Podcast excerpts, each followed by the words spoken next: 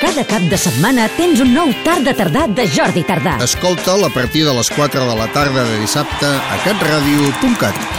Aquest cap de setmana recordem la figura de Steve Ray Vaughan. Aquest any es commemora el 25è aniversari de la seva mort en accident d'helicòpter i coneixerem els seus inicis, les seves influències, els seus treballs, el seu amor pel blues, els duels amb els millors guitarristes del planeta. Steve Ray Vaughan al Tard de Tardà. De Tardà 30 anys. Des de les 4 de la tarda del dissabte a catradio.cat. Descarrega-te'l. programa de rock i de blues més antic d'Europa, desitjant-li que em torni a avisar quan em faci 30 més. T'ho diu Quico Pi de la Serra.